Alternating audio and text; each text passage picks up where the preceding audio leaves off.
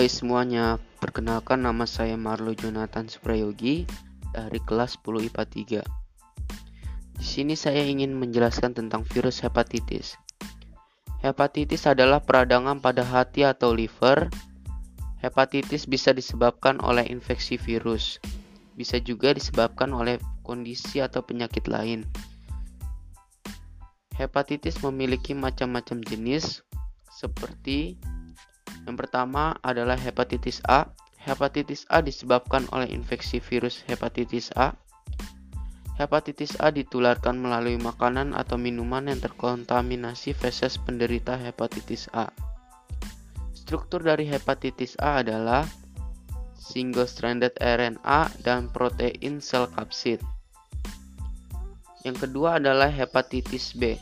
Hepatitis B disebabkan oleh infeksi virus hepatitis B.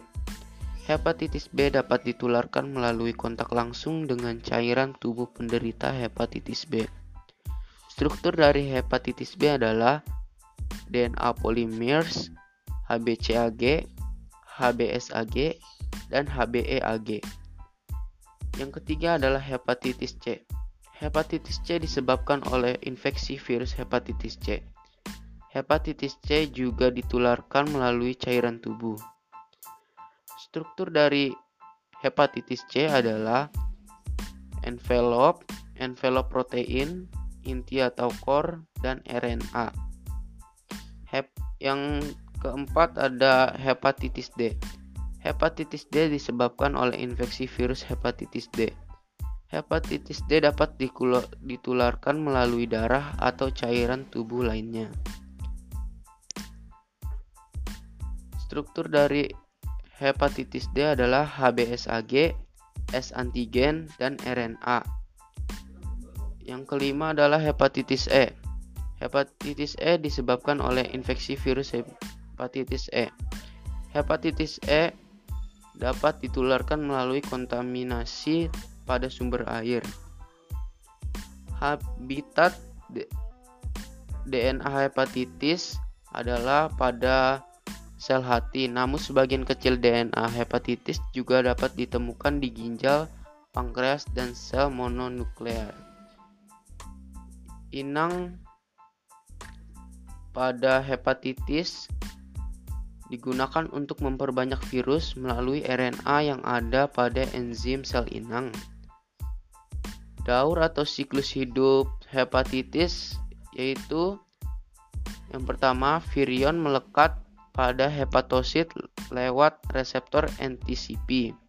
Kemudian DNA virus translokasi ke nukleus hepatosit dan membentuk rantai kovalen sirkuler tertutup.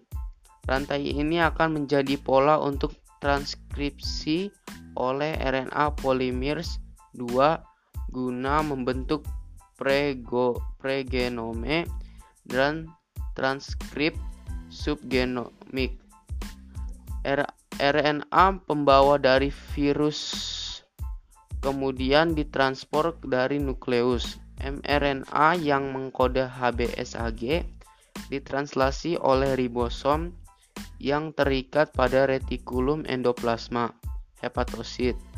Kemudian protein HBsAg keluar melalui jalur sekretorik. RNA pregenome translasi untuk membentuk protein polimers P yang memiliki aktivitas reverse transcriptase.